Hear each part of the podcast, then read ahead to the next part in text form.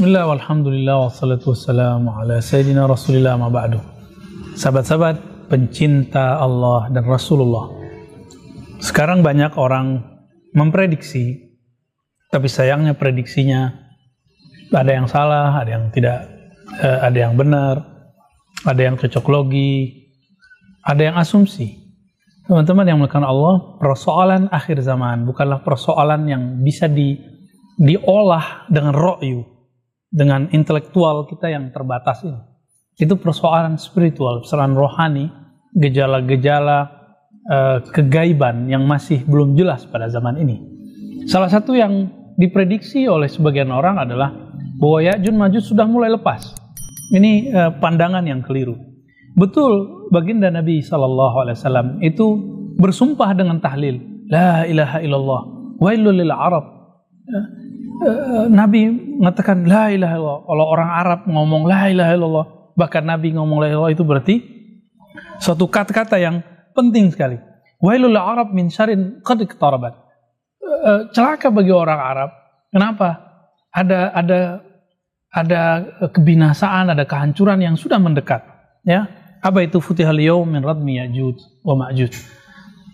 Bahwa benteng yang dibangun oleh Sayyidina Zulkarnain itu sudah mulai terbuka, tapi terbukanya baru segini atau segini.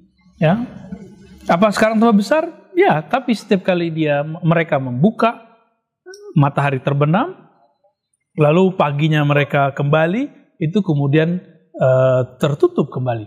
Itu uh, rahasia kehebatan Allah Subhanahu wa taala ya, yang yang namanya digunakan oleh Zulkarnain untuk mengunci Ya'juj Ma'juj. Kapan sebenarnya Ya'juj Ma'juj itu keluar? Jika kita mengikuti secara tertib, secara uh, ya tertib berdasarkan riwayat-riwayat.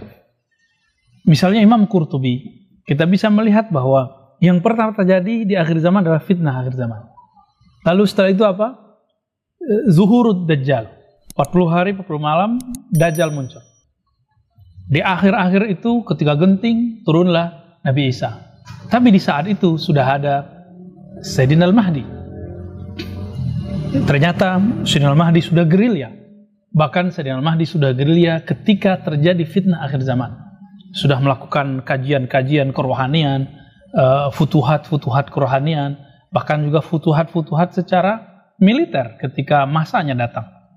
Baru pada puncaknya berhadapan dengan uh, Dajjal.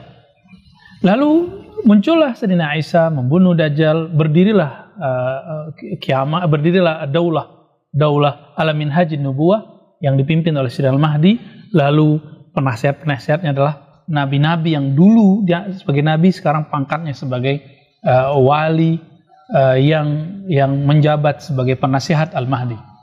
Lalu setelah itu barulah muncul Ya'jud dan Ma'jud. Dan di saat muncul itu disebutkan dalam riwayat yang didukil oleh Imam Al-Qurtubi, Allah hidupkan kembali orang-orang uh, yang disebut Ashabul Kahfi, Ashabul Raqim. Ya, mereka nanti berjuang. Jadi ternyata Ashabul Kahfi sendiri riwayat tentang kematiannya tidak ada, tidak jelas. Nah, karena nanti dibangun kembali oleh Allah Subhanahu wa taala lalu kemudian berjuang. Nabi Isa tetap adalah orang yang berjuang bersama Al-Mahdi menghancurkan Ya'juj dan Ma'juj. Uh, berdasarkan ini teman-teman, di dalam Al-Quran tidak disebutkan secara eksplisit, dan surah Al-Anbiya tidak disebutkan Al-Kahf, tidak disebutkan secara eksplisit, hanya disebutkan karakter mereka mufsidun, ya, merusak di bumi. Mingkudi hadabiyan silun, mereka datang dari berbagai tempat. Uh, tapi tidak disebutkan mengenai uh, bahwa dia sudah keluar hari ini.